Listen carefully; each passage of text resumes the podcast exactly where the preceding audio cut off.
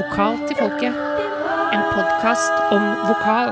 November er så trist. Nei! Og grå. Nei! Men artig likevel. Ja. For nå er vi samla til nok en episode av Vokal til folket. Hjertelig velkommen. Tusen hjertelig takk. Ja, er du klar for eh, vintermørket? Ja, det er jeg faktisk veldig klar for. Jeg liker jo vinter. Ja. Og jeg liker vår og sommer og høst. Du er åpen for det meste der. Jeg er åpen for det meste. Jeg er veldig glad i årstida. Ja. Det som er så fint nå med november, er jo at da er vi bare et, et lite snøballkast unna livets måned, nemlig desember. Ja, det liker du.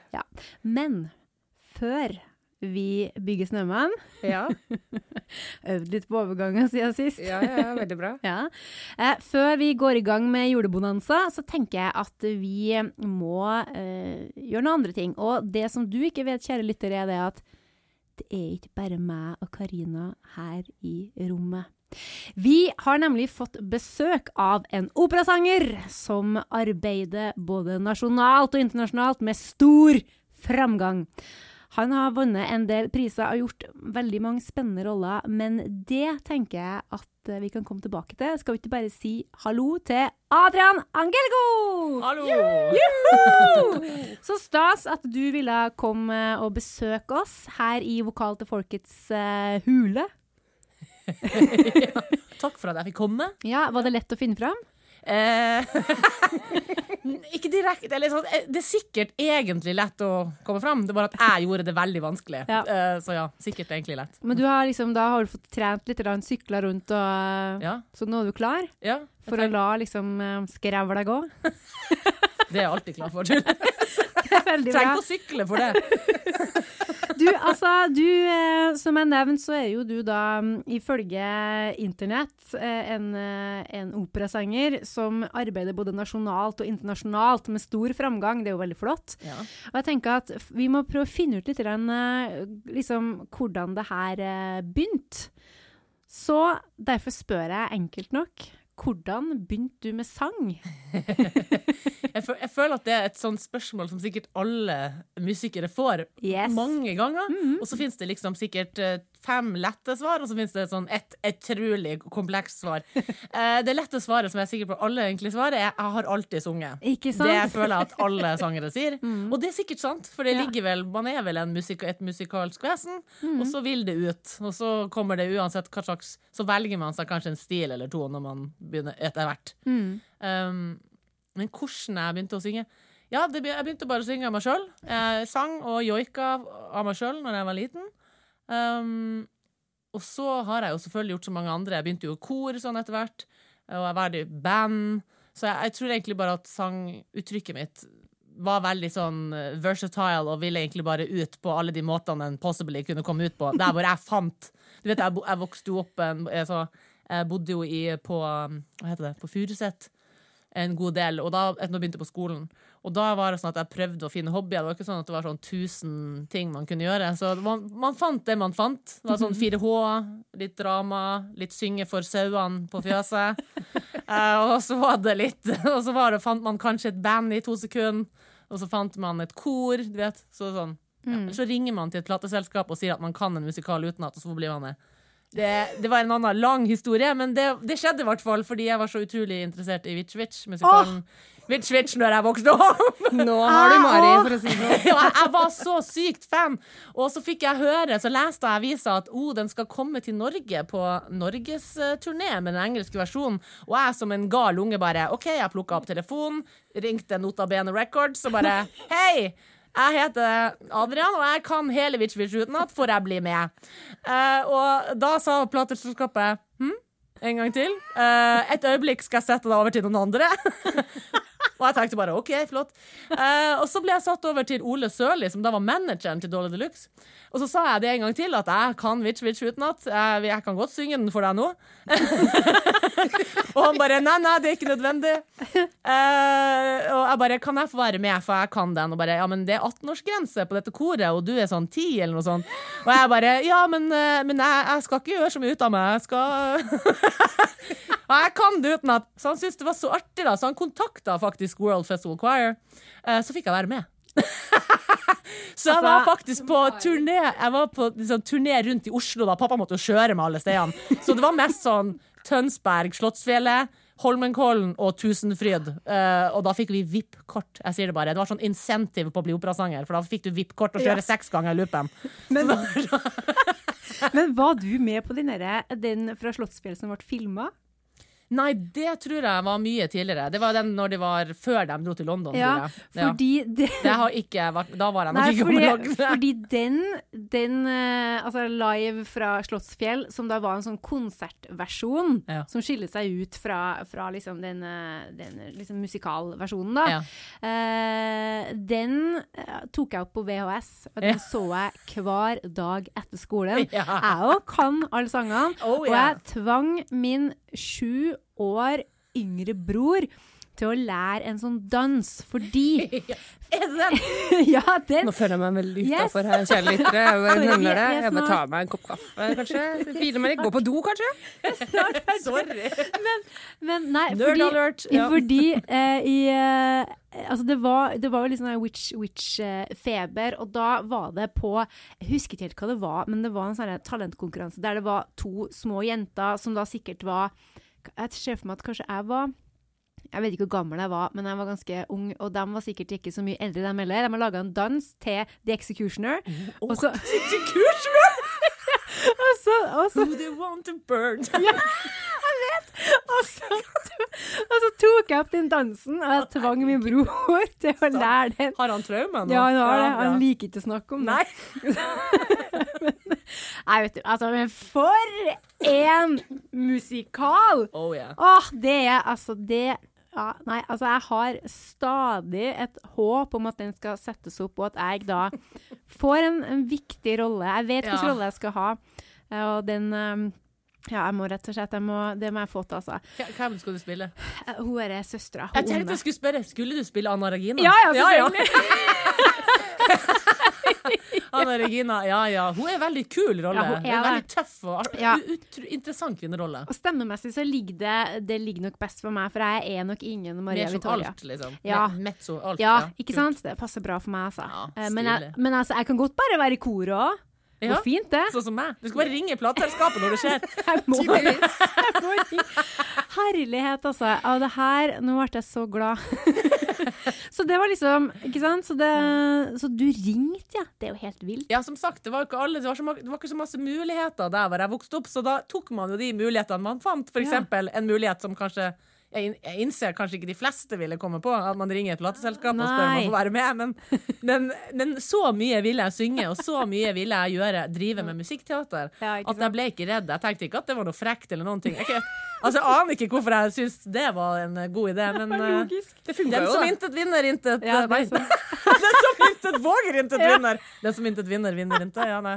Bra jeg kan. Men, ehm, men eh, etter at du var med, var med der, for du var fortsatt sånn ti år, Mm. det var ganske ungt, men eh, altså du, Søkte du deg inn på noen sånn musikklinje på videregående da, eller? Nei, jeg, jeg hadde jo en sånn drøm om at jeg skulle bli musikalartist. Det var Ja. det jeg liksom ville bli, fordi jeg elska musikkteater. Den sjangeren. Jeg mener, etter å ha vært med i Witch Witch, så var det i hvert fall helt sånn Da var det helt, ingen vei tilbake, følte jeg. Um, så da tenkte jeg at uh, Jeg tenkte litt økonomisk. For jeg tenkte jeg har jo ikke råd til å ta noe sang ja, jeg, har, jeg har ikke råd til å ta sangtimer, men jeg tok hvert fall Jeg øvde mye på sang på fritida. Ja. Så tenkte jeg men drama har jeg ikke like mye erfaring i, så jeg begynner jeg søker på Hartvig Nissen. Ja. så kan, fordi synge, det innbilte jeg meg. Man bare kunne øve seg på mye nok hjemme, så ble man sikkert flink. Jeg vet ikke hvorfor det, men i hvert fall. Så jeg begynte på Hartvig Nissen, på drama. Det var der jeg gikk. For Mm. Å liksom få den dramadelen inn, da. Ja. For den hadde jeg mindre trening i å synge. Jeg sang jo hele tida, men jeg spilte jo ikke skuespill hele tida. Så jeg Nei, følte at jeg var veldig smart hvis jeg gjorde det. Det er ganske voksent, da. Som en sånn derre 15-åring og bare hm, skal vi se, hva er, det, hva er mine styrker? Hva er mine Pluss svakheter? økonomisk Ja. gunstig. Det syns jeg også var veldig flott. At du liksom hadde det i bakhodet. Hmm. Særlig fordi jeg har dyskalkuli, så det er veldig artig. Jeg bare tenkte at jeg har så dyskalkuli, så det skal være gratis. Og nissen var jo i hvert fall gratis. Så det var Det var veldig bra. Men, eh, men eh, også da, ikke sant, da var det mest drama, men tok du noen sangtimer i tillegg da, eller? Nei. Nei, for det gjorde du fiksa bare det sjøl. Ja, altså, ja, ja, altså, jeg sang jo Jeg hadde, hadde jo ikke råd til å ta sangtimer, så det var jo sånn Eh, Så det var liksom noe jeg gjorde sjøl. Jeg sang jo med alle CD-ene. Jeg tenkte jo da, si, Her var ikke så smart. Jeg tenkte at siden man bare sang nok, så på en måte fikk man i hvert fall sånn grunnleggende nok. Og på en måte er det jo sant. Ja da. For det er jo faktisk det. Jeg prøvde jo å etterligne lydene jeg hørte, uansett hvilken sjanger det var. Så prøvde jeg å etterligne den lyden. Og jeg har veldig godt øre, så det var jo på en måte lett å la oss si fake at jeg hørtes ut som Ja. Og så måtte man heldigvis lære seg senere hvordan man ikke bare faka det, men faktisk gjorde det sunt og ordentlig, og du kunne gjøre det lenge, liksom. Men hvem hørte du på? Hvem er det du har Ja, hermet etter? altså musikal? Ja. Nei, ja, du, det, det var jo alt mulig. Det var egentlig alle de som spilte de hovedrollene. i- Ja. det var veldig mye rart. Jeg sang jeg, hadde, jeg var jo så sykt glad. Altså, Mammaen min flytta til Danmark veldig tidlig da jeg var liten, så, eh, så da dro jeg på en gang i året cirka, så var jeg på besøk hos henne fra jeg var fem.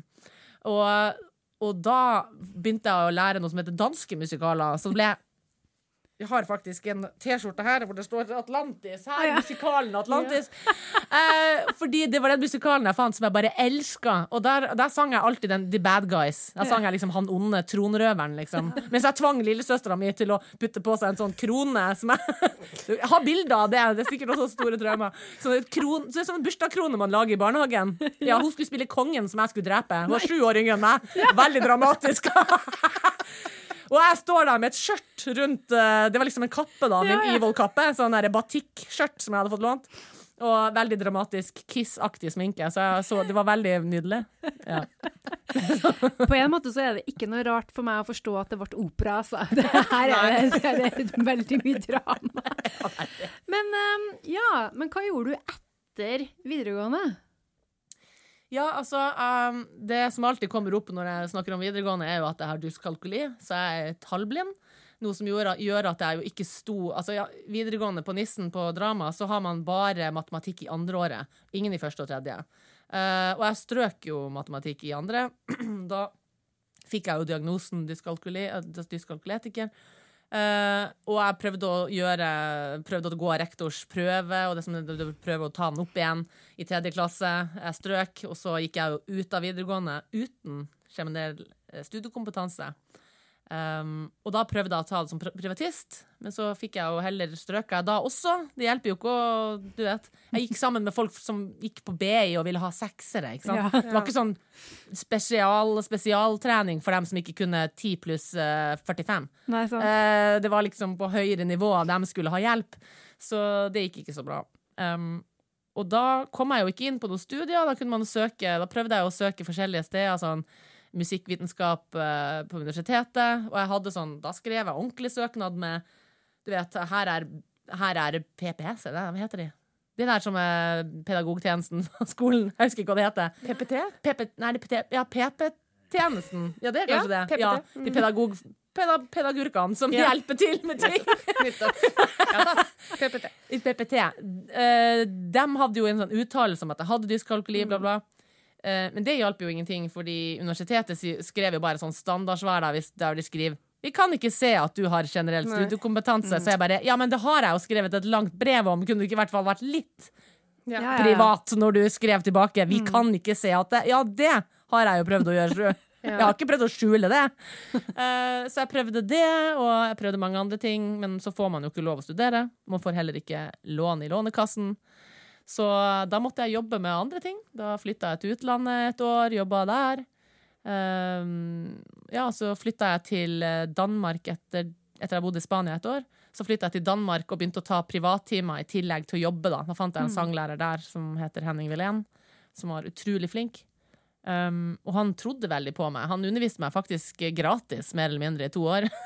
Så ja, jeg betalte jo litt, men jeg, han betal, jeg betalte aldri for alle de timene. Nei. Fordi jeg hadde ikke råd. Jeg hadde bare sånn deltidsjobb og var en sånn snodig nordmann. Jeg, altså, jeg er teleavstensk, så det gikk det Ja.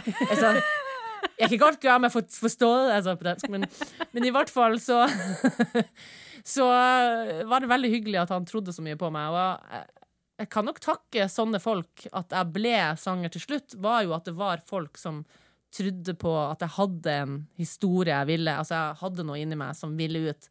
Um, og jeg ville det så mye, og jeg hadde såpass talent òg. Jeg vet jo at hvis, De hadde jo ikke hjulpet meg hvis de ikke trodde på meg i det hele tatt. Det hjelper jo ikke bare å ville det masse. Da ville de kanskje sagt sånn Kanskje du Er det noen andre ting du har lyst til å gjøre òg? Sånn, hva slags andre studioer kunne du tenkt deg? Du vet, studieretninger, kan du tenke deg? Men um, ja. Så det var det jeg gjorde da etter det. Men hva slags repertoar jobba du med da? Var det fortsatt liksom musikkteater, eller? Nei, nei, det var det. Jo, å, herregud, jeg hadde glemt det. Det er sånn utrolig kompleks historie. Ja. Altså, jeg søkte faktisk også på Barrat Nei, ikke bare at du er på Bordar. Ja. Ja ja. Uh, jeg kom ikke inn, kan jeg si. Spoiler Spoiler Da alert. er vi flere, for å si det sånn. ja det, du har sagt Don't go there! Nei, nei, nei, nei, nei. vi snakker ikke om det. Traumatisk. Ja, fordi første runde, da. Jeg tror jeg kom til andre runde, faktisk. Eller i hvert fall så gjorde jeg to ting. Kanskje det var bare første runde, og så gjorde vi to ting. Jeg tror det var dansing først. Well. Jeg kan, jeg kan si på ikke-nordnorsk at det gikk til Ja. Hoppeland Ja. til Hoppeland til Hoppeland. Det gikk ikke bra. Ikke bra i det hele tatt. Nei, det Um, nei. Og så sang jeg, tror jeg, fra Cats eller noe sånt. Jeg vet ikke hvorfor i all verden jeg valgte den. Jeg kom i hvert fall ikke noe videre til noen flere runder, i hvert fall. Og så tenkte jeg ja, ja. Uh, og så tenkte jeg likevel Begynte jeg å, å meditere på temaet. Ja, hvis jeg blir musikalartist, så må man vel egentlig kunne danse ganske bra tenkte jeg. Og jeg har dyskalkuli, som sagt, og en av de mange tingene som dyskalkuli kan påvirke, det er speiling av folk. Så hvis danselæreren står med ansiktet mot meg, og så skal hun løfte henne på den armen, da løfter jeg den armen jeg ser, og det er den motsatte Ja, armen av den ja, jeg skal løfte. sant. Så går hun den veien, da går jeg den veien. Og det er katastrofe i en sal hvor alle skal uh, på en måte gjøre samme koreografi. Da går man rett inn i dem og lager kaos. Så det var sikkert derfor jeg ikke kom videre, for jeg var sikkert den totale marerittspersonen. Altså, jeg syns jo det er vanskelig å ta koreografi generelt, på vår generell basis. Så det må jo være, når man har det i tillegg å skulle ta hensyn til, så må det være kjempevanskelig. Ja, det var Ja. ikke ideelt. Så jeg kom vel fram til at eh, da måtte jeg vel egentlig danse. Så enten så måtte det skje noe revolusjonerende jeg ikke var villig til å gjøre. Du vet, selge noen ting eh, på det åndelige markedet. Eh, eller så Altså, nei. Så derfor ble det ikke det. Så begynte jeg liksom å, å, å, å liksom lefle litt med klassisk musikk. Men det var også fordi at jeg hadde møtt en sanglærer som sa det var en sanglærer jeg møtte i Danmark på folkehøyskole. Jeg gikk på folkehøyskole et halvt år, faktisk. For da trenger man jo ingenting. Jeg glemte det. Det var så, så mye ting man har gjort. Det gjorde jeg rett etter videregående, faktisk. Men det var i folkehøyskole i Danmark et halvt år. Du trenger ikke du trenger jo ikke noe generell studiekompetanse for det. Nei. Men der var det, møtte jeg en sanglærer som uh, jeg, Egentlig ville jeg gå til, uh, til rytmisk musikk, men hun var ikke ledig, så da var det bare én en eneste som kunne gi litt sangtimer. Sånn én gang i måneden eller noe sånt. Og han var klassisk trent. Og jeg husker at han fortalte meg ja, du er veldig pen, så du kan kanskje bli skuespiller, men du kan i hvert fall ikke bli klassisk sanger. Oi. Og da tenkte jeg Det skal jeg i hvert fall bli! Ja. jeg. Drit i om du syns jeg er pen eller ikke, gamle mann på 50. Et eller annet. Men da var jeg 19 eller 18. Eller noe. Altså, jeg syns det var veldig forkastelig. For å si det sånn. Men i hvert fall, eh, jeg har det veldig sånn at hvis noen sier jeg ikke kan noen ting, da skal jeg i hvert fall gjøre det. Ja, ikke sant? Eh, først blir man jo kjempelei seg. Jeg vet jo, Alle har sikkert hatt det hvor man får høre en veldig dårlig nyhet, og så gråter man og syns veldig synd på seg sjøl. Men så går det for meg i hvert fall sånn over i et slags vilt raseri. Som er sånn Og så Ja, det var fint på radio, det der. Men eh, den lyden. Eh, men i hvert fall, da, da, bare forestill at det er en sånn sint blomst som vokser opp på asfalten. Det er den lyden jeg prøvde å lage nå. Ja. Et godt bilde. Et godt bilde. Jeg tror vi kjenner oss litt igjen, Altså, for å si det sånn. Ja, så da begynte du liksom å lefle litt med klassisk musikk, ja? Ja. ja, ja. Gikk Ja, ja. du rett på operaen da, eller var det mer sånn uh... Nei, altså Hos han så fikk jeg jo bare sånn der grusom tysk lyd, som, jeg, som et eller annet med en eller annen fugl som sang i et eller annet tre. Det er ikke tull engang. Men altså, det var utrolig lite appellerende. Så jeg det første tenkte at det var kanskje ikke noe vits å bli operasanger, for det var ganske stygg, teit, patetisk musikk, egentlig. altså, familien min er jo sånn rocke og heavy metal og rock og sånn. Ja. Så jeg kom jo ikke fra opera whatsoever. De syns jo at det der eh, musikalgreiene jeg drev med, var litt sånn pusete. Det var litt sånn Jeg husker pappa kom til meg en dag og banka på døra, og jeg hørte på Le Miss eller noe sånt, så bare sånn Du jeg syns ikke du hører noe på Metallica mer. Jeg var sånn veldig bekymra. Sånn Hva slags opposite land er jeg nå? Tenkte jeg. Andre foreldre hadde kanskje vært motsatt, men uh, ikke at, at Metallica er jo ikke akkurat uh, kontroversiell. Men han Eller han sa faktisk Jeg syns ikke du synger Metallica noe mer. Nei. Men det passa jo ikke stemmen min så godt. Jeg har jo ikke så tøff, kul stemme som han Hetfield, liksom. Så, Jeg skulle gjerne sunget noe rock, liksom, men uh, det bare hører jeg at det blir for Jeg, jeg får pusete stemme. Passer til musikal, Disney Ja. og opera. Der er liksom Det er ikke tull. Pusestemme. Ah, det her er så festlig, syns jeg. Altså, det her er god stemning. Ja, det her er, veld, altså, det her er veldig interessant, altså. For jeg tror nok Jeg har liksom tenkt at du eh, At du var en sånn, sånn typisk sangstudent som liksom OK, jeg skal bli operasanger, jeg gjør alt riktig, bla, bla, bla. Og så har du vært liksom all over the place og kommer fra rock'n'roll, og så Ja. Jeg er veldig, veldig glad for uh, alt jeg hører om musikal, det skal sies. Men, men på et eller annet tidspunkt så, så må det jo ha skjedd et eller annet. Ja, det var jo hos han Henning Wilén i Danmark, da, som jo hjalp meg med masse sangtimer. Og han eh, viste meg også masse biografier til sanglærere og eh, til sang, kjente operasangere. Og fikk, han hadde sånn mening om at jeg bare kunne høre på sangere som liksom var utøvende på 60-tallet og ned. Ja. Uh, og det er fordi at det var en sånn spesiell sangteknikk, en veldig sånn sunn, gammeldags sangteknikk som han, han kalte altså bel canto, da. Uh, den stilen. Så han var veldig opptatt med at ikke jeg skulle høre på altfor redigerte opptak Ja. av sangere som var perfekte på du vet, på en CD, som jo hadde blitt redigert så mye at du får helt annen fornærmelse om hvordan sang er, da. Ja, ikke sant? Eh, og det er jeg veldig glad for. Men han, og han lot meg egentlig bare Jeg visste jo ingenting om opera. Og han lot meg høre og synge egentlig alt som jeg bare likte. Så hvis jeg likte en sang, så fikk jeg lov å synge den. Eh, og, og så prøvde han jo å hjelpe meg teknisk på den måten det var.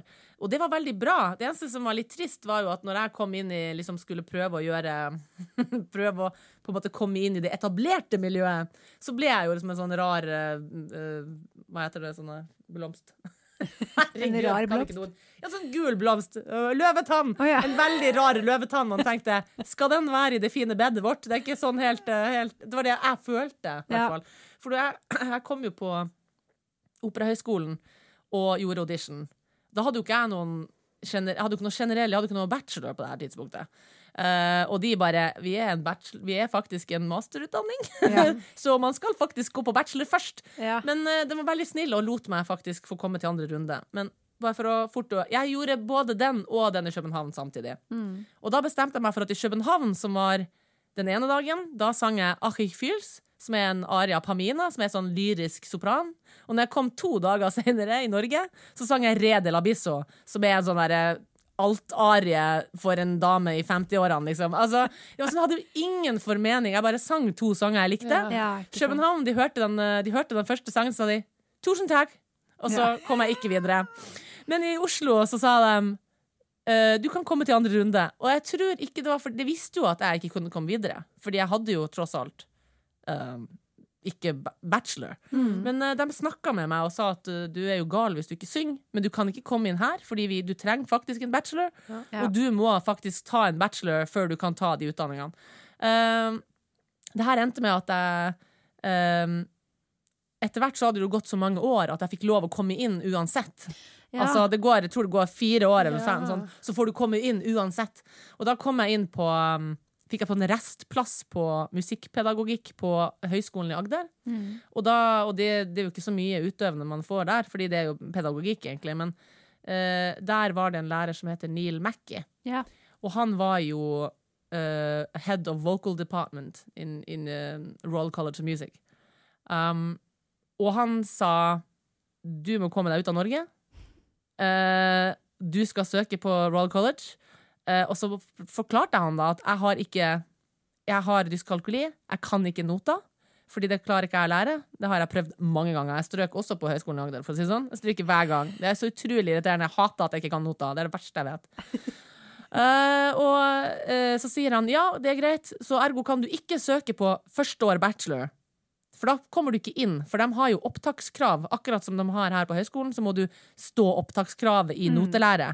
Ellers så kommer du ikke inn, for da får du ikke, skjønner du ikke studiet. Så han var i hvert fall så snill han sa men du synger på masternivå allerede. Så det du kan gjøre, er at du søker på fjerdeåret postgraduate, som er sånn independent lite fjerde år på en bachelor. Som en slags uh, altså postgraduate. Du har fått en bachelor, så kan du ta den. Jeg hadde jo ikke noe bachelor, men jeg søkte i hvert fall på postgraduate. Så kom jeg inn, eh, og så fikk jeg jo stipend av skolen eh, til å gå der. Så da gikk jeg, hoppa jeg bare over hele, master, hele bachelor. Rett inn på fjerde året bachelor, eller hva skal jeg kalle det. Uh, og så søkte jeg på Operahøgskolen året etterpå og gikk ett år master. Det er egentlig to år, men jeg endte opp med å gå ett år. Så søkte jeg på Så tenkte jeg å, jeg må gjøre en audition-trening. Eh, og så hadde jeg ikke så mye penger til å gå på Royal College of Music, for det er veldig dyrt altså i utlandet. Altså drittdyrt. Selv om jeg fikk stipend, så var det jo kostnadene på å leve og sånn var utrolig høy. Um, så jeg søkte på um, sånn praktikantplass på Operahuset i Zürich. Uh, og så kom jeg inn. Så tenkte jeg men da skiter jeg i det andre året ma ma master, da. Da bare går jeg rett på. så jeg tenkte men bare let's go. Uh, og så begynte jeg å jobbe. Så det var liksom sånn privattimer. Ett år som jeg strøk i musikkpedagogikk. Ett år fjerde år bachelor, som bare var der randomly midt inni der.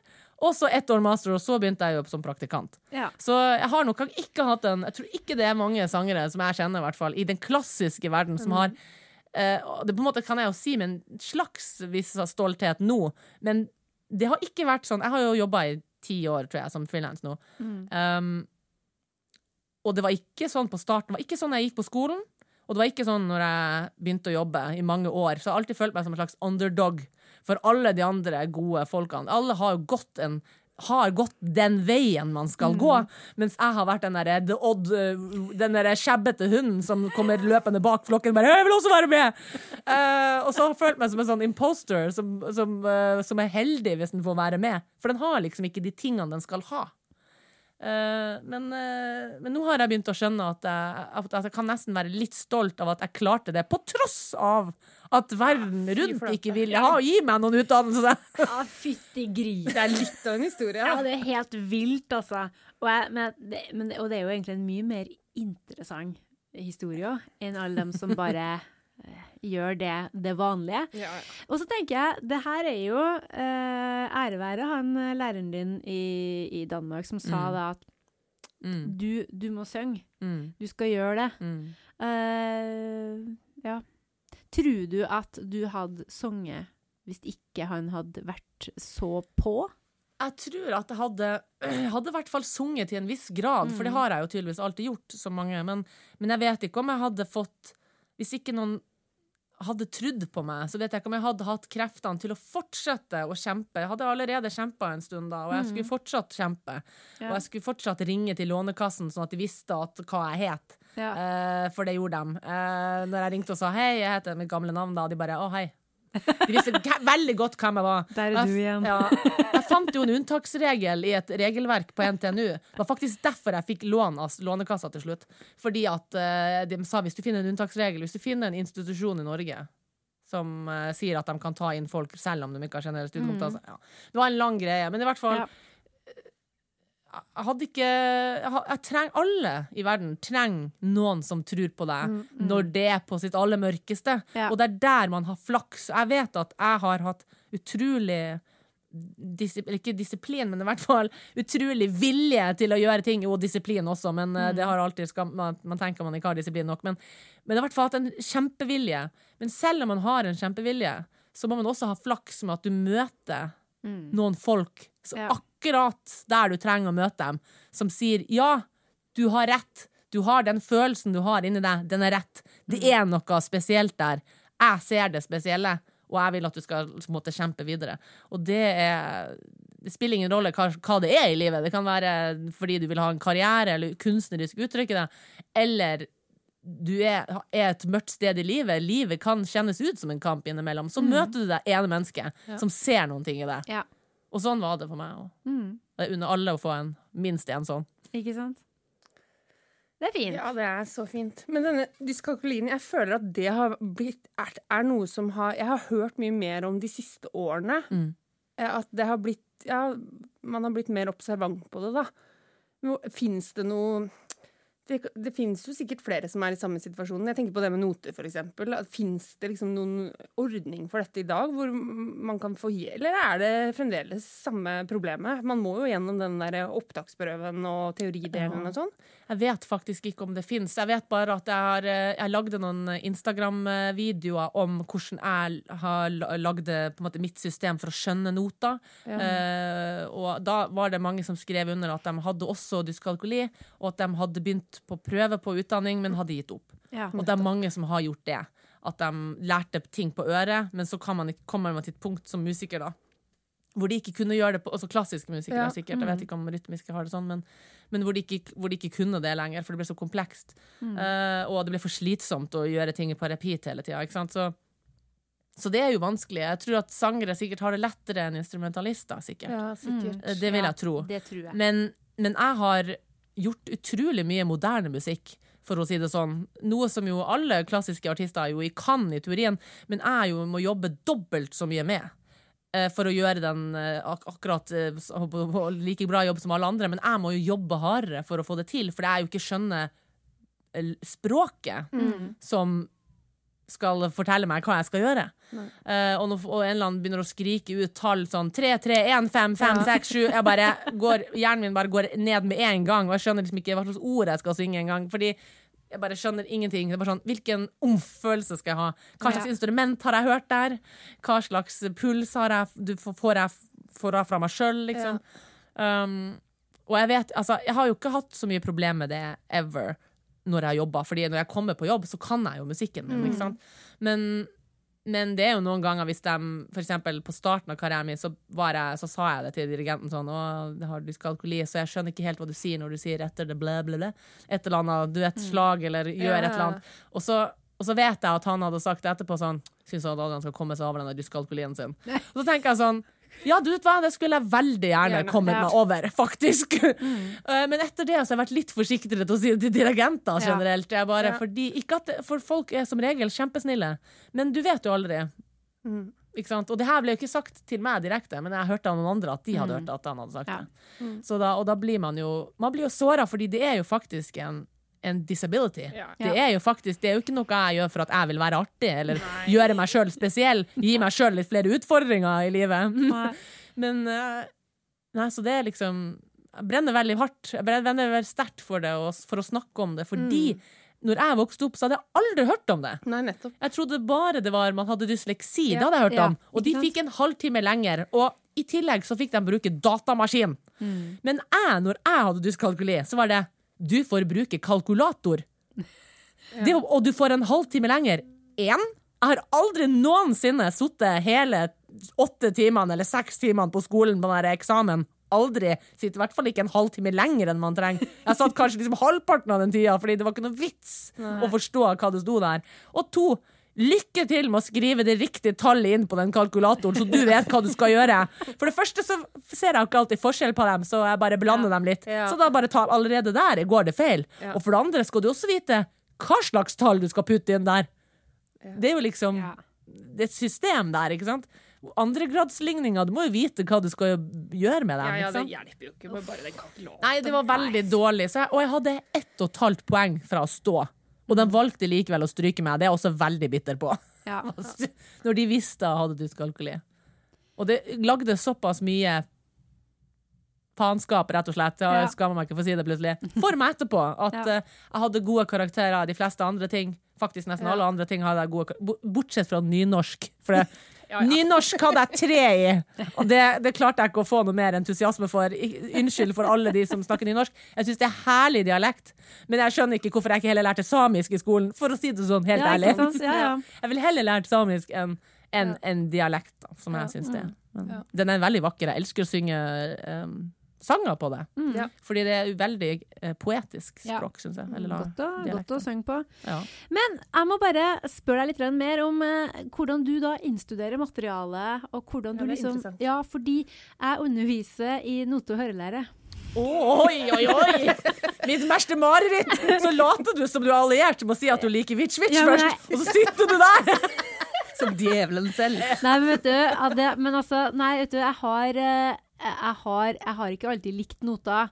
Jeg hadde veldig vanskelig for det når jeg gikk på videregående og på konservatoriet. Så var jeg veldig dårlig i, i teoretisk note- og hørelære. Men da jeg begynte å undervise i det, så, så måtte jeg bare skjerpe meg. Og så har jeg undervist mye i, eh, på liksom nivå 1, så jeg jobba veldig mye med grunnleggende. Og jeg har alltid Altså, jeg jobber jo mest med rytmisk musikk, så, men jeg har jo vært så glad i å jobbe med noter, fordi at jeg kan jo lese det så godt. Mm. Og når jeg får en note, tenker jeg å, hurra, nå blar jeg om, og så ser jeg hva det er komponisten har lyst til å fortelle meg. Og så kan jeg liksom Ja, så kan jeg Jeg kan, jeg kan forstå så mye. Og så, eh, og så underviser jeg jo da studenter eh, på musikkteater. When worlds collide. Yeah. Eh, og, og prøve å selge det inn som at det her er et, et fint verktøy å bruke. Mm. Men det er, jo ikke, det er jo ikke karakteren, de får ikke karakter da, men det er ikke det om de er på en måte gode til å, til å lytte etter intervaller som gjør om de får seg jobb. Men det kan kanskje lette eh, innstuderinga hvis de Mm. skal gjøre en del ensembleting og sånne Mm. ting. Men selvfølgelig så er det jo Det fins mange måter å tilegne seg materiale på. Mm. Men hvordan har du jobba med det? Altså, jeg kom jo aldri over liksom, notelære 1, eh, fordi at eh, med en gang Altså, jeg har min forståelse av nota-nota. Det er 1, 2, 3, 4. Mm. Alt må, all, den ene noten må være svart og en sånn hals opp. Det er én. Ja. Problemet er det når den ikke er én lenger, og Ja. den er andre ting. Eh. Og da begynner det å bli vanskelig. Mm. Fordi den er én i mitt hode. Sånn én, to, tre, fire. Jeg setter jo alltid en Altså, eller hvis det er vanskelig musikk som Strauss Jeg har jo lært mye moderne eller Strauss, som også er ganske kompleks musikk, og skifter mye taktarter Mm. annenhver gang og jeg vet ikke hva. Eh, så har jeg, får jeg noen til å sette inn taktene over. Av Mm. og til så setter jeg sånn i takt én, så setter jeg fire streker, hvis det er fire, da. Mm. være, eller noen andre setter fire. Og så gjør jeg dem rød, og i neste den blå. Sånn at det er rød, blå, rød, blå, rød, blå, rød, blå. Mm. Uh, og da vet jeg jo Jeg ser jo på ordet. Hvor Ja. kommer slag Hvor, er, hvor Ja, i- kommer slaget Ja. i ordet jeg skal synge? Mm. Um, og så bruker jeg mye Slår på meg sjøl litt. sånn, litt sånn sadisme mot meg sjøl. det heter ikke det, det ja, men uh, sadomasochisme, nei. Men i hvert fall, jeg, av og til har jeg slått meg i panna òg, hvis jeg blir sånn skikkelig sur på musikken. Ja. Tenker jeg, skal bare inn det der. Så pleier jeg liksom å, å se på ordene sånn da, da, da, di, di, di, di, di, da. Slår jeg på en måte i meg sjøl en slags fysisk fornemmelse av det, eller Mm. går det? Ja. Uh, Strauss var veldig sånn rap-aktig innimellom. Sånn. Så måtte man liksom bare lære seg den rytmen. Rytmen i ordene, Ja. ikke rytmen i musikken. Og så kunne man gå på Så hørte man på musikk, så hører jeg på musikken veldig mye. Mm. Eh, sånn at jeg lærer meg liksom notene. Og så putter jeg jo liksom denne rytmen på etterpå, som jo er denne rappen jeg lager. Liksom, hvor noen putter inn i taktstrekene. Mm. Og jeg prøver også å putte farger på hvis det er samme note. Fordi mange av disse notene så er de veldig tett. Så notearket må være veldig ryddig. Mest mulig ryddig. Mm. For det er vanskelig å se om den nota kom på det samme stedet. Vet ikke hvorfor det er det. Men da må jeg av og til sette sånn der, her er en oransje flekk på den, og her er oransje flekk på den, for den er lik. Uh, for at jeg skal skjønne det. For det blir for mye informasjon som jeg, hjernen min klarer ikke å ta det inn. Farger hjelper mye, og taktstreker. Mm. Taktstreker gjør at jeg plutselig får sånn her sånn epiphany. Og det er veldig rart.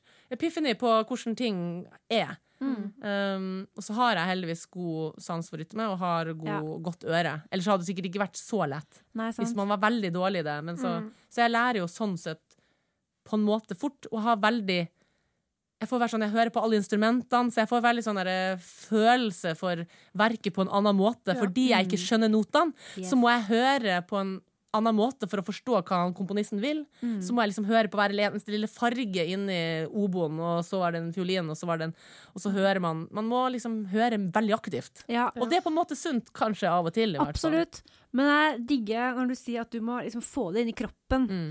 eh, og få på plass det rytmiske, for det er Det eh, har jeg tenkt at må være noe som jeg prøver å formidle til studentene mine. Da, at uh, vi, vi må ikke bare tenke på detaljnivå, vi må på en Mm. måte tenke på hele musikken. Mm. Så prøve å etablere liksom det at vi skal bevege oss litt. Og hvis vi jobber med taktarter, i stedet for å sitte helt i ro og, og telle, Mm. og se om vi kommer til sju, Mm. bare prøv liksom å bevege oss. Hvor, Mm. hvor ligger det hen? Hvor vil kroppen bevege seg hen? Vil Mm. den gå til begge sidene liksom, eh, samtidig, eller vil den plutselig liksom, fortere tilbake? Sånn at man heller må bruke alle sansene, da. Mm. I stedet for å sitte og glo på et ark og se på den noten og lure på hva gjør jeg med den? Mm. For da, da blir det jo vanskelig.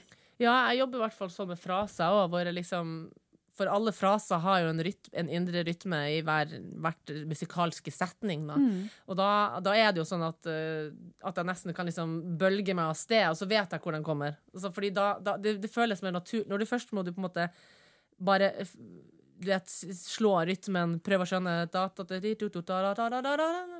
Så begynner man, og så, og så, så begynner man å skjønne det, og da begynner jeg å danse litt, liksom, nesten. Ja, ja. Fordi at du må være den musikalske setten. Hvis du ikke kan lese den, så må du i hvert fall være den. Ja. Fordi da kan du føle den når du står der foran en dirigent som vet hva de driver med, og du ikke aner hva de driver med og slår. For det er, du, det er jo ikke alltid man skjønner hvordan de slår. Nei, det jeg aldri det vet jeg faktisk. Nei, jeg- det men det vet jeg jeg faktisk er opptil flere som av og til Hvis det er litt sånn utydelig, så kan det være vanskelig for selv dem som skjønner ja. hvor alle slagene er. Normalt sett så skjønner man hvor én kommer.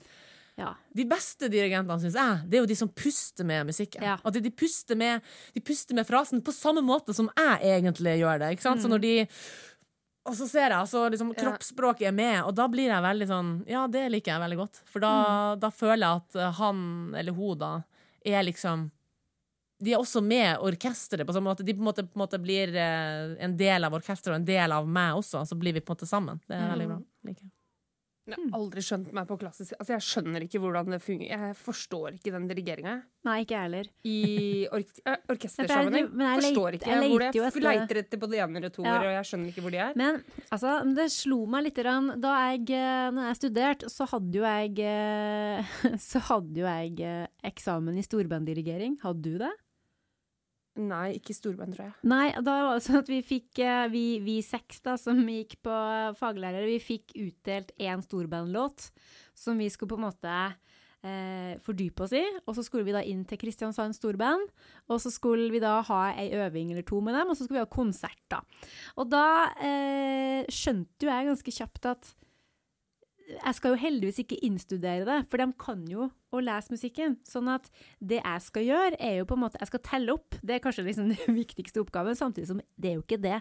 For det kunne trommisen ha gjort òg, men jeg telte nå opp, og så står jeg nå og, liksom, og vifter litt slagfigurer. Men altså, så, så peker jeg på de instrumentene som skal inn. Eh, men egentlig så trenger jeg ikke gjøre det, for det er jo ikke det, er jo ikke det som er hovedjobben min. Det er ikke det å peke på dem når de skal inn, for de sitter jo der og leser noe, de vet at de skal inn. Men jobben må jo være på en måte å forme det. Hvor mye vil du ha?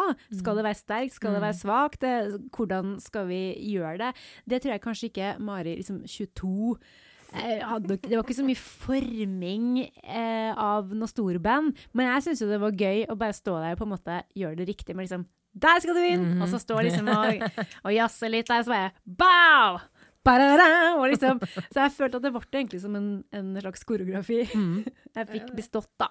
Ja, bra. bra, Mari. yes. Ja, men eh, så det er iallfall det jeg har tenkt, at det handler vel mer om å jobbe med det musikalsk sett, og ikke nødvendigvis én, to, tre, Nei da. fire. Nei, og det, det jeg ser det. Nei, men det, det her får bli, det får bli en annen podkast, tror jeg. Ja. Så- Hvor vi skal gå dypere inn på For her føler jeg kan prate mye lenge om. Vi kan det. Men det det får vi ta på nachspielet. Det tar vi på nachspielet. Ja. Ja. Men eh, tilbake til deg og din glitrende karriere. Fordi at når man da eh, først For du har jo jobba frilans i ti år. Ja, Sa du? tror det, Ja. jeg. Ja. Hvordan, hvordan får man de her eh, jobbene? Har du, har du en eh, agent, eller er det du som ringer rundt fortsatt og sier 'hallaisen der, jeg hører du skal gjøre noe'? Nei, ja, ikke sant? Det kunne, kunne like så godt ha vært det, men nei, det har blitt veldig sjenert om årene, skjønner du. Så det var bare noe jeg turte før, av en eller annen grunn. Uh, fordi, jeg ikke skjønte at man skulle være redd for det, kanskje. Jeg vet hva søren. Nei, jeg har agent. Jeg hadde, har hatt agent siden jeg kom ut fra em, fra eh, operahuset i Zürich som praktikant. Jeg fikk en agent der. Da hadde jeg et agentur i England, og så har jeg skifta til et agentur i Norge nå. Eh, og det er jo de som snakker om artistene sine, det er de som har kontakt med orkesteret og bla, bla, og operahus. Og så går man jo på audition til disse stedene, for Ja. de, skal gjerne høre deg. Enten så må du jo tilfeldigvis ha hørt deg et sted, eller så må du komme dit og prøvesynge for dem. Ja. Um, og, og konkurranser, for eksempel. Lise vet jeg gjort, gjorde konkurranser, og da tror jeg ikke hun har gjort noen audition etterpå. Så, hun gjorde det så bra. Og såpass sjelden type stemme, ikke sant. Ja. Så litt sånn Nei. Um, da må man jo Man gjør jo Og så begynner man gjerne med småroller, ikke sant. Så man Ja. har mindre roller, og så, og så øver man seg opp, og får man erfaring, og um, Så ja, det Ja, men ha agent. Det er sånn, mm. det, det er sånn Men, men kan du si til agenten din at Hello there!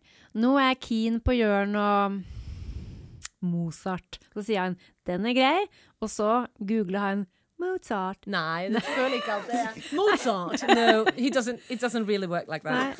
Nei, nei altså, jeg jeg aner tror i hvert fall ikke det. Nei, nei, det er vel egentlig bare at eh, de snakker om artistene sine, sikkert, Ja. og, og, og, Ja. og dem hører om deg fra andre jobber du har gjort, Ja. og så sier kanskje et operahus Vet du hva, vi skal sette opp uh, Figaros bryllup. Kan Adrian synge Kirabino? Ja. Fordi det er stemmetypen hans. ikke sant? Mm. Da, så det er mer sånn det funker. Eller vi skal gjøre Beethovens niende, eller vi skal gjøre en messe av uh, Messi, Messia, Messia, Messa av Messi- Messias, faktisk. Messe av Hendel, eller noe. Ja. Og så sier de kan, uh, kan Adrian det. Ja. Uh, så det er gjerne sånn det funker. Så har man jo stemmefag, ikke sant. Så, så skjønner liksom orkestrene eller operaen Når man har begynt å eh, komme til, et visst nivå, sikkert, Ja. så trenger man ikke å gjøre audition så mye. For da spør operahusene deg uten at du har gjort audition. Så er det bare sånn Kan Adrian komme og synge denne rollen? Ja. Altså det, er så det, så, men det er jo en eh, det er jo en liten vei. Man skal jo på en måte få trening og etablere seg et Ja. navn, og man skal være flink nok, og man ikke virker man er helt uprofesjonell. Det er Ja. sånn en, en, en mm. nybyggerfase man eh, jobber litt sånn hardt på, og så synger man sikkert mange roller man kanskje ikke normalt sett Det er ikke sånn man velger den rollen, for den er kanskje ikke skikkelig stor eller ikke skikkelig interessant psykologisk, men du synger den for det. Ja. Og så øver du deg på det, og så finner du noe med den rollen som gjør at du får øvd deg på noen ting. Mm. Og du får alltid øve deg på scenen, du får alltid øve deg med orkester og, og, og, og dirigent, jobber med en regissør og tar regi, skjønner hvor lyset ditt er, Mm. du vet, synger på mange forskjellige språk. Så det er, liksom, det er masse ting å øve seg på. ja. Og så etter hvert så kommer man til et sånt punkt hvor man ikke trenger å gjøre så mye audition. Kanskje ingen, ikke sant? Mm. Så det er jo, det er jo der man ønsker å komme, ikke sant? ja. Nå, ja. Men um, det er så eksotisk å ha agent. Jeg har ingen agent, men jeg vil ha en, merker jeg. Men la oss si at agenten din eh, da eh, får liksom et tilbud om Ja, kan Adrian gjøre det? Er det sånn at blir du da spurt om at ja, nå har, vi, nå har du fått tilbud om den jobben her, vil du ha den? Eller er det bare sånn at det dukker opp i kalenderen din? Nei, uh, det blir jo sånn, heldigvis. Takk og lov. Så kan agenten si nå har jeg fått en forespørsel fra et eller annet sted for denne rollen. Jeg syns at det er en god idé. Du klasjer ikke med noen ting i kalenderen din. Uh. Vil du det, liksom? Og så sier man jo som regel ja. Ja. Syns jeg, da. Ja, ja. har noe å si sjøl, liksom. Ja, man, ja, man eh, får lov. Man kan, jo, man kan jo si ting. Det er ikke sånn at bare Å nei, da skal du De neste fire månedene skal du bo i, i Nederland. Å ja. Nei, det er ikke sånn det funker. Takk og lov. Det hadde vært veldig kjedelig.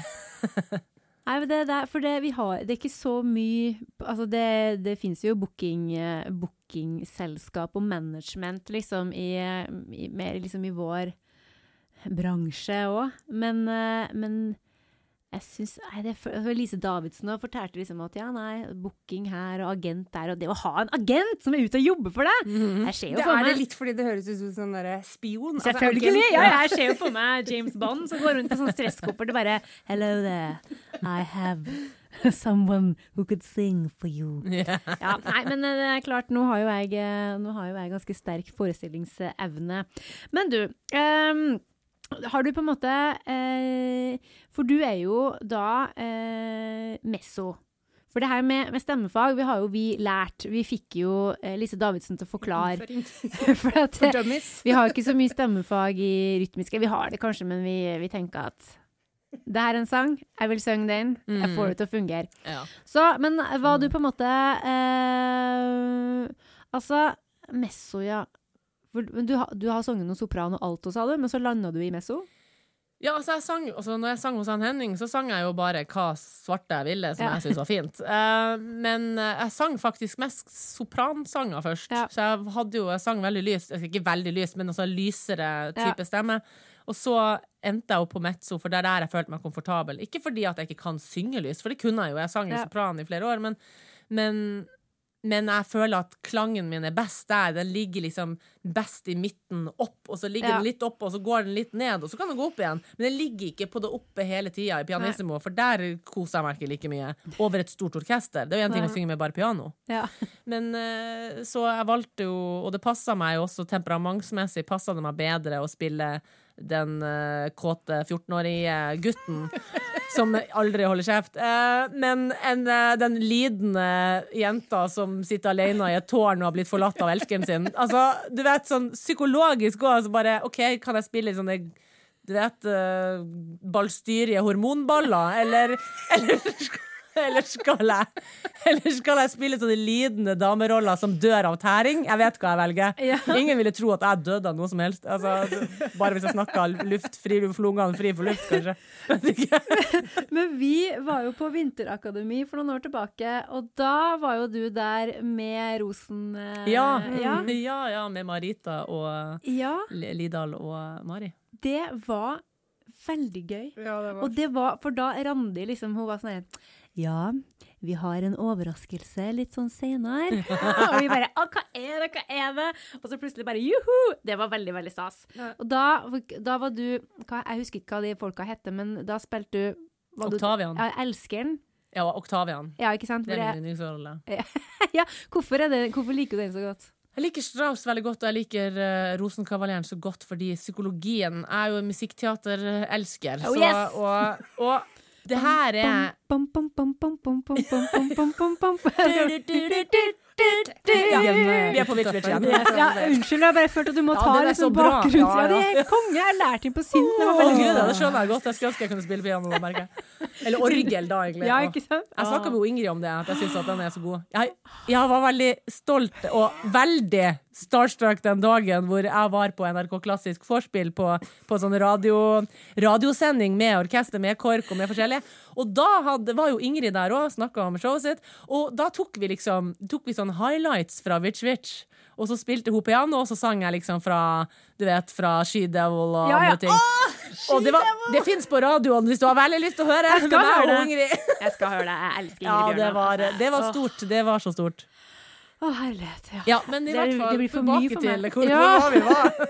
Nei, vi var jo på um, Vi kom ned i hengemyra et sted. Bitch, bitch, der. Ja, det var min feil som begynner med sånn background. Nei, vi snakka om Rosenkavaleren og Ja, um, Psykologisk. Ja. Ja. Rosenkavaleren er psykologisk veldig interessant. Det er en veldig gjennomtenkt Altså Hoffmann som er Hoffmann, sier jeg.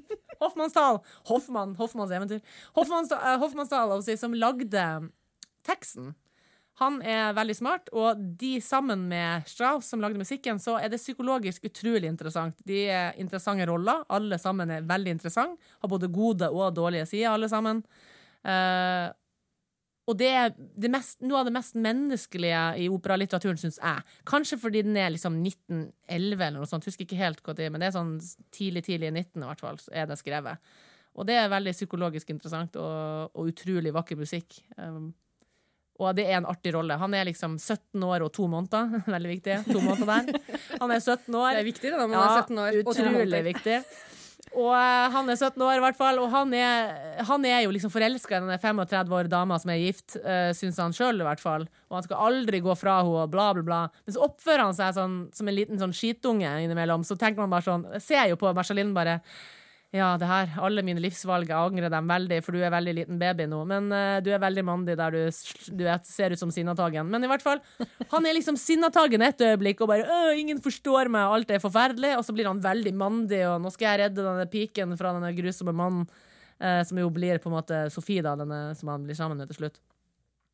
Uh, så han han får være veldig mange ting. Litt som en typisk tenåring. Han, var, han er liksom fanga mellom flere verdener, og han er barn enda. Uh, det, er, det er bare en veldig interessant rolle. Jeg anbefaler alle å, å se eller høre den.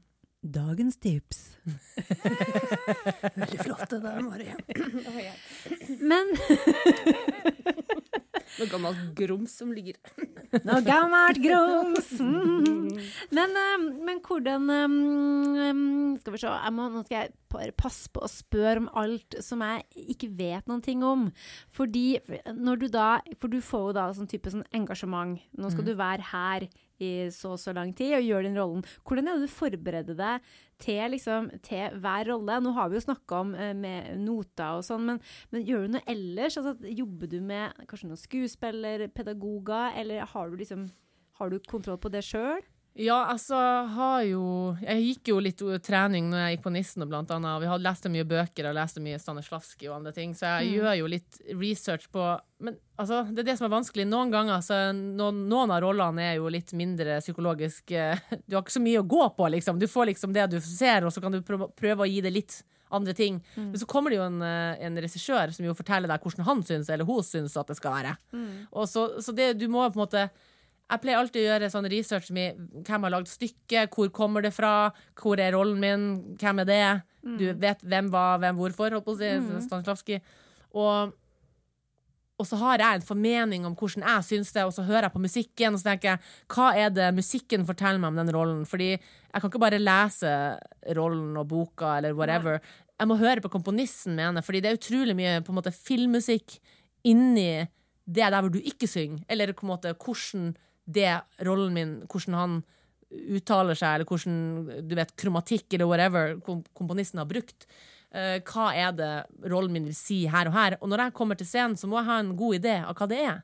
Så da kommer jeg fram, og så har jeg i hvert fall en formening og et forslag til hvordan jeg syns at Kerobino for eksempel, i Figaros bryllup er. Så spiller jeg det, og så kan regissøren si mindre av det eller mer av det. Han skal ikke være så barnslig. For eksempel når jeg gjorde Rosenkavaleren, så var det sånn, så sånn Ikke gjør han så barnslig så mye. Så måtte jeg liksom tone ned barnsligheten og gjøre han litt mer sånn machoaktig eh, når han skulle være macho, så måte forskjellen var mye sterkere. Og jeg syns du var veldig god i det. Han er veldig god, han, eh, han regissøren var veldig god. Så, um, men du må ha en idé om hvordan du syns rollen din er. Og så, kan, så må du tilpasse deg det regissøren Ja, sier. Ikke sant. Så, og, og, og så har vet du hvordan også dirigenten har mening om hvordan noen ting skal synges. Det må du også forholde deg til. Ja. Så du må ha en idé og en kjerne som er deg, og så må du på en måte tilpasse de ideene til det de forteller deg. Mm. Og det er jo ikke alltid lett, så det, men det er jo ikke det. Fordi Nei. du kan ha veldig sterke meninger om hvordan du syns at denne Ja, rollen skal være. Ja. Og så sier de at du skal spille sånn slapp hele tida. Så bare Åh, hvordan skal jeg klare det? Altså sånn litt sånn energiløst. Du vet? Da blir man helt sånn Nei. Ja. Det var bare ett eksempel, da. Men Hvor viktig syns du liksom er det å kjenne seg igjen, eller finne noe ved seg selv som man kan kjenne igjen i rollen, f.eks.? Er det helt uh, Nei, jeg, jeg mener i hvert fall at eh, i enhver løgn eller ethvert skuespill så er det et korn av sannhet. Så du trenger ikke å ha opplevd eksempel, et, la oss si et dypt traume, noen som har drept ungen sin og hele byen deres har blitt brent. Så trenger ikke du å ha opplevd akkurat det. Nei. Men du må finne noe. Jeg husker at jeg lærte på av en skuespiller som en gang fortalte om eh, at han spilte jeg husker ikke hva slags eh, eh, Shakespeare-stykke det var, men det var et eller annet Jeg tror det var eh, Richard III eller noe sånt. Han skulle i hvert fall gråte ganske kraftig. Og han gråt sånn skikkelig masse med tårer og alt, og sånn veldig sånn realistisk gråt. Og da noen som hadde spurt han etterpå sånn Hva du tenker på? Hva i all verden slags traume du tenker på når du Det ser skikkelig ordentlig ut. Og da sa han Når jeg var liten og så at Bambi sin mamma ble skutt Og det synes jeg var så jævlig at det, det huska han veldig. Han var barn, og han Ja. huska det med sin største forferdelse. Så han, han skulle spille noe helt annet, men han tok fram noe, et lite barnetraume han hadde. Og så hvor forskrekka, overraska og for- forferda han var. Det brukte han. Så det tenker å liksom være Men du må bruke et eller annet som er sant. Du trenger ikke å bruke de, de aller forfer- Du trenger ikke å tenke på da mammaen din døde, liksom, Fordi det kan være for ille. Kan være, jeg har spilt en opera som var um, Som heter De Passasjerin, uh, The, The Passenger. uh, som handler om Auschwitz. Og da var vi alle sammen uh, i, alle, fikk sånn bold cap, og enten fikk man uh, sånn en parykk som var sånn, sånn hvor du nesten ikke hadde noe hår, bare sånn hår i tuster. Og så fikk vi alle tatt slags midlertidig tatovert en, et, et tall her. Eh, og alle var skitne. Og det var realistisk, for det var på DVD. Og da, da, da fikk man øve seg. Man skal ikke da skal man ikke gå for dypt inn i det. Fordi jeg hadde en scene hvor jeg skulle gråte. Jeg skulle si, en- Rollen min skulle si en bønn. Og skulle egentlig bare ha mm, to toner. Da, da, da, da, da, da, da, da, så skal jeg si bønnen på den her, la-la-la. Og så skal jeg si la-la-la-la. Ba-di-da-da-da-da-da. Det var alt jeg skulle. Jeg klarte bare å, jeg klarte å si det der lave. Og så skulle jeg si vdro, øh. Altså stemmen bare. Altså Det var som om det kom en jernhanske og klemte rundt strupen din for alt du gjorde. Du har bare lyst til å og da, tenkte, da trengte jeg faktisk nesten ikke å ha tenke på noe ordentlig som jeg hadde opplevd. Jeg kunne bare tenke hvor forferdelig holocaust var. Ja. Og, og det å liksom ha, være på den scenen hvor du bodde på de der benkene og, og alt det, det som rollene gikk gjennom. Og det her var skrevet av en, eh, en ordentlig person som hadde vært Sofia Porsmyrs, tror jeg hun heter. Jeg klarer ikke helt å uttale det polske navnet, dessverre.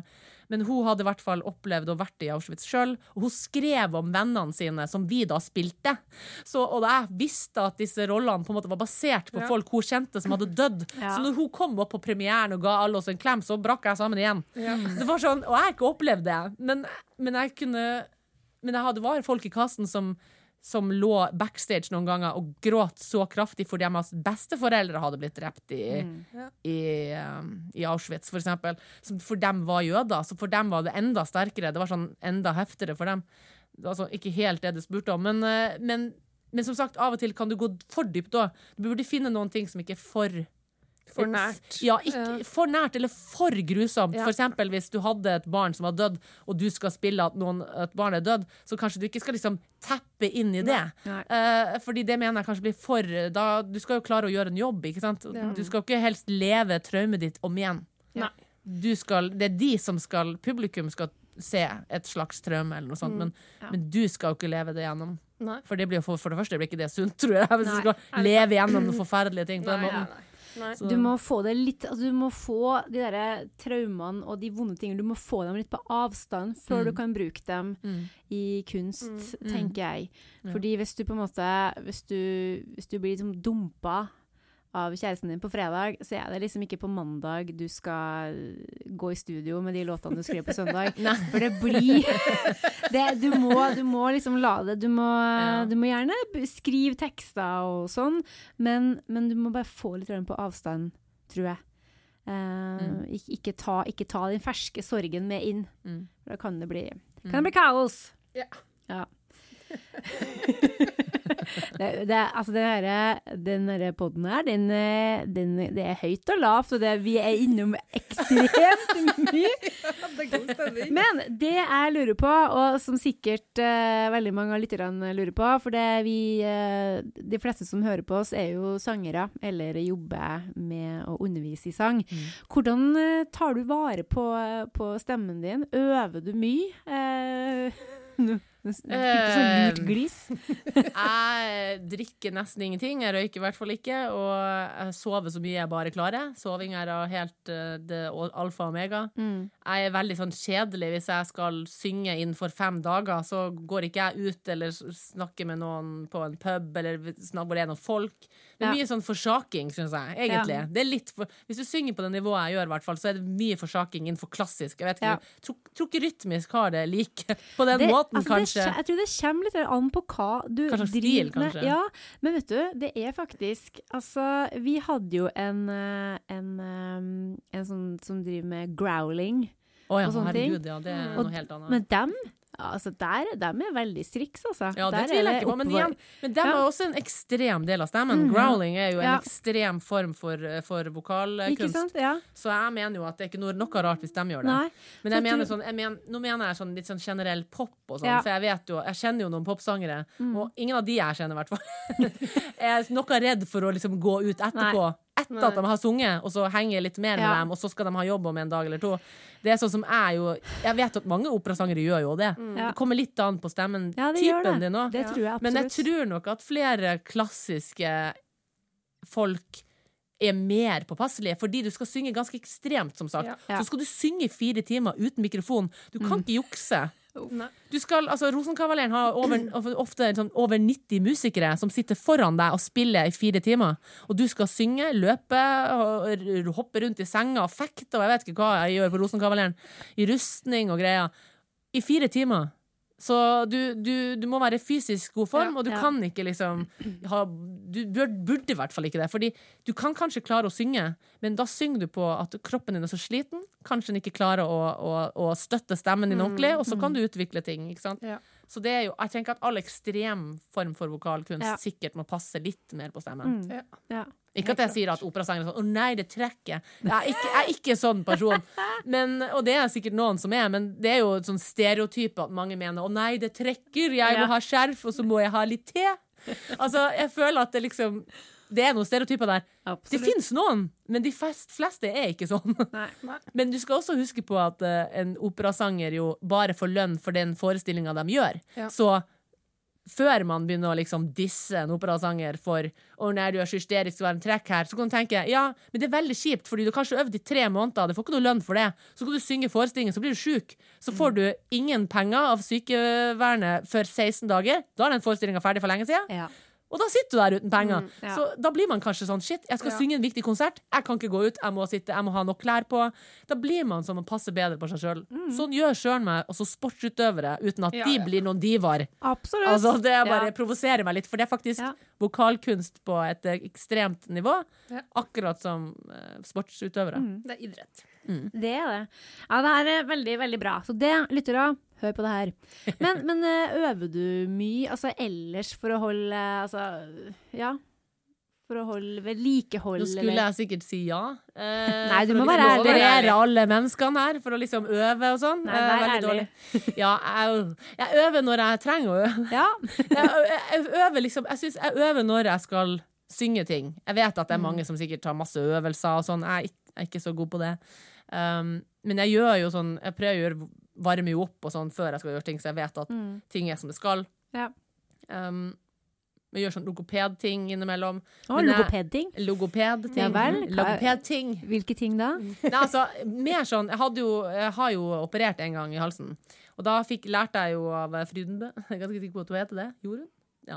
En sånn, en, en sånn, eh, en sånn flaske, du vet, med, Ja. en, eh, med en sånn eh, eh, ting nedi. Ja. Jeg husker ikke hva noen ting heter. Fonasjonsrør. Ja, Ja. og så blåser man det litt varmt, sånn lunket vann nederst i bunnen for å varme opp, og så vzz og zzz og alle de der øl- Alle de der. De øvelsene der. Um, så bare for å bare ha mild, forsiktig play av stemmen før. Og så prøver jeg av og til å gjøre litt sånn hvis jeg har snakka eller sunget mye, så pleier jeg å prøve å, å gjøre sånn uh, sånne playende ned. Ja. Øvelser for å ned uh, Ja. Det der er nedsynging. Ja. Mhm. Det må jeg bli bedre på. Ja, litt grann med synging. Jeg er litt smart. ja, det er faktisk smart, altså. Man gjør det jo ikke mange ganger nok. Nei, Fordi sant. man er sånn, kanskje sånn høy etter å ha sunget et eller annet, så Ja. blir man jo helt sånn Man gidder ikke man å tenke man skal varme ned. Nei, man er veldig god på å varme opp, liksom, Ja, for ja. man skal virke. forbereder seg. Ja. det skal virke. Ja. Ja. Er ferdig, så bare det er litt samme med uttøying. Ja. Ja. Det er akkurat Jeg trenger ikke at det er mange Jeg sportsutøvere det som- litt greit med det. Det går fint. Ja, altså du, ja, men det her er interessant. Ja. Altså du, for du bruker altså fonasjonsrør. Vi hadde jo besøk av Maria Berglund her i fjor, Ja. sikkert. For hun Ja. drev jo og uh, forska litt på det. Uh, og vi har jo hatt noen logopeder som har forklart oss i poden uh, hva det er og hvorfor man gjør det. Så du, du bruker det som et redskap. Ja. Ja, interessant. Hvordan er det med deg, Karina? Har du brukt det mye, siden vi lovte hellig og dyrt på poden med Maria at her skal det flaskes? Stå på kjøkkenbenken i hvert fall, til Ja. spott og spe, så jeg ser det innimellom. Jeg er dårlig på det sjøl, altså. Ja, ikke sant? For jeg tenker, ja, det er, for det, jeg tenker at det er eh, For det med øving kan jo bli en sånn dårlig samvittighet for veldig mange som går rundt og føler på det at de burde ha øvd mer. Og det er klart at sånn som eh, når vi hadde Lise Davidsen her, da, så hun øver jo hver dag. Men det er noe Liksom, hennes stemme, det er jo noe voldsomme greier. Eh, og jeg tenker at hvis Man må jo kanskje kjenne sjøl hva det er man trenger Mm. for å holde seg sjøl gående. Og for deg, da, som virker som at du jobber mye Det er jo ikke sånn at du sitter et halvt år og, og leser i bok, og så plutselig blir det en gig, liksom. Og da når du bruker stemmen hele tida og jobber og øver, eller altså øver på materialet, så går det jo litt av seg sjøl. Mm.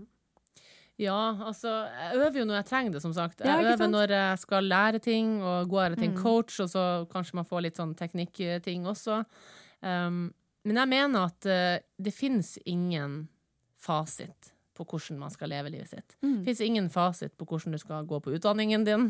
Til helst ingen fasit på hvordan du må jobbe når du skal synge.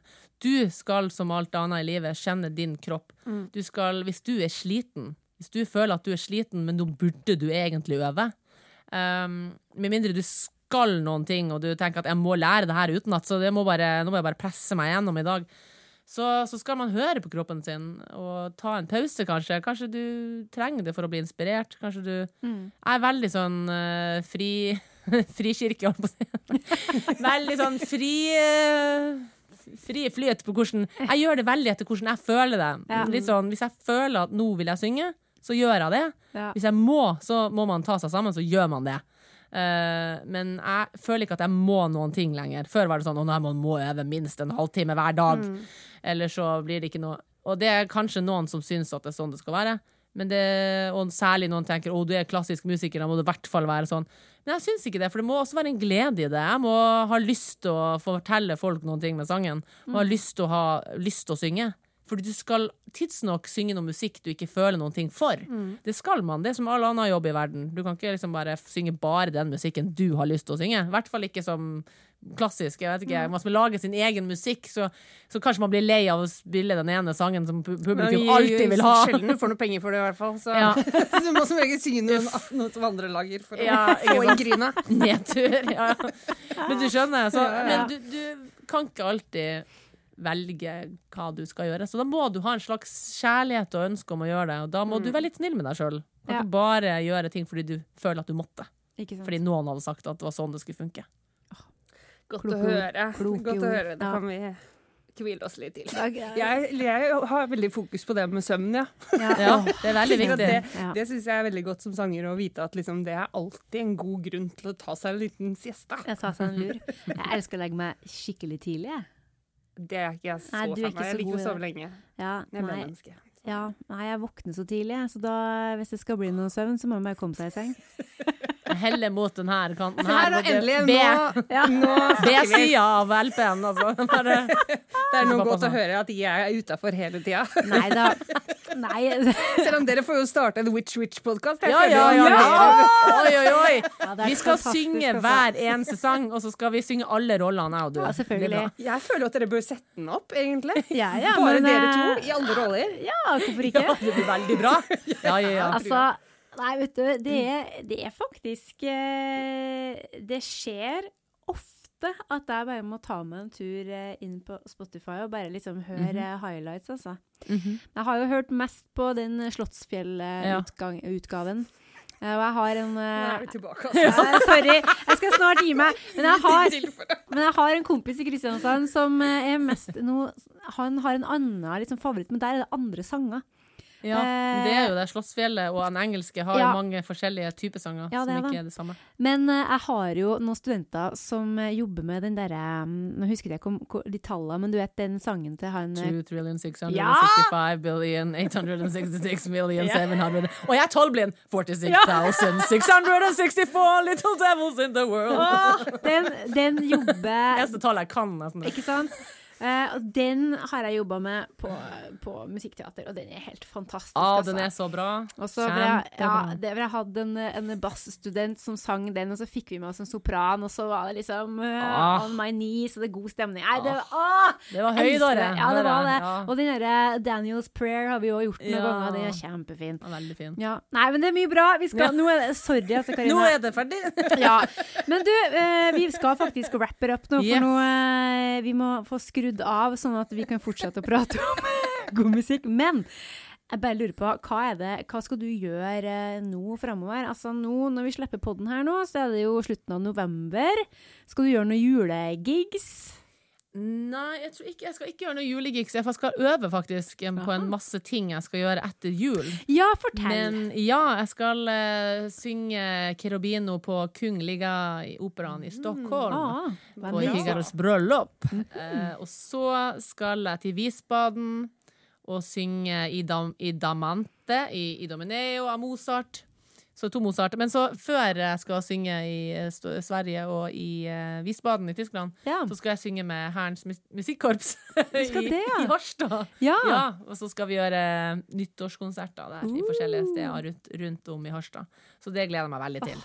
Det blir jo utsatt. I fjor så ble jo alt korona, ikke sant. Så ikke sant. da ble det sånn noen dager før jeg skulle dra opp i fjor, så måtte Hærens musikkorps avlyse alt. Ja. Så, men den, denne gangen her så er det jo er du, da. ja, ikke sant? Så det skal jeg gjøre. Så da, det kicker i gang hele året, og så er det egentlig bare Da er det jobb hele det året. er Egentlig Yes. bare sånn jobb-jobb fra én ting til den andre. Så det er veld, veldig spennende. Åh, høres bra ut. Ja. Herlighet, det her har vært så artig! altså, du, må, du må komme tilbake en gang! Bare det var så koselig. Det er noe mer, eh, mer slarv der det kommer Det er der det kommer fra. Altså, det, det er så fint å, å, å liksom føle at, eh, at det er noen med liksom samme, samme liksom energi eh, som vi får når vi blir gira. det er veldig bra. Nei, skal vi bare wrap it up, eller? Ja. Du, Adrian Angelico, tusen, tusen takk for at du ville ta turen. Ja, tusen takk for at jeg fikk komme. Og lykke til med alt du skal. Og logikk, du. Tusen takk. Og så Ses vi forhåpentligvis eh, når vi skal sette opp du vet hva. Ja! Jeg kommer i alle rollene, bortsett fra de du gjør. Ja, flott. Ha det! Ha det! Du har hørt Vokal til folkets podkast med Karina Fransen og Mari Klingen. Besøk oss på vokaltilfolket.no, finn oss på Facebook og Instagram, og gi oss gjerne ei stjerne i iTunes. Vi tar gladelig imot tilbakemeldinger, tips og innspill. Så ikke nøl med å sende oss en melding. Vi snakkes!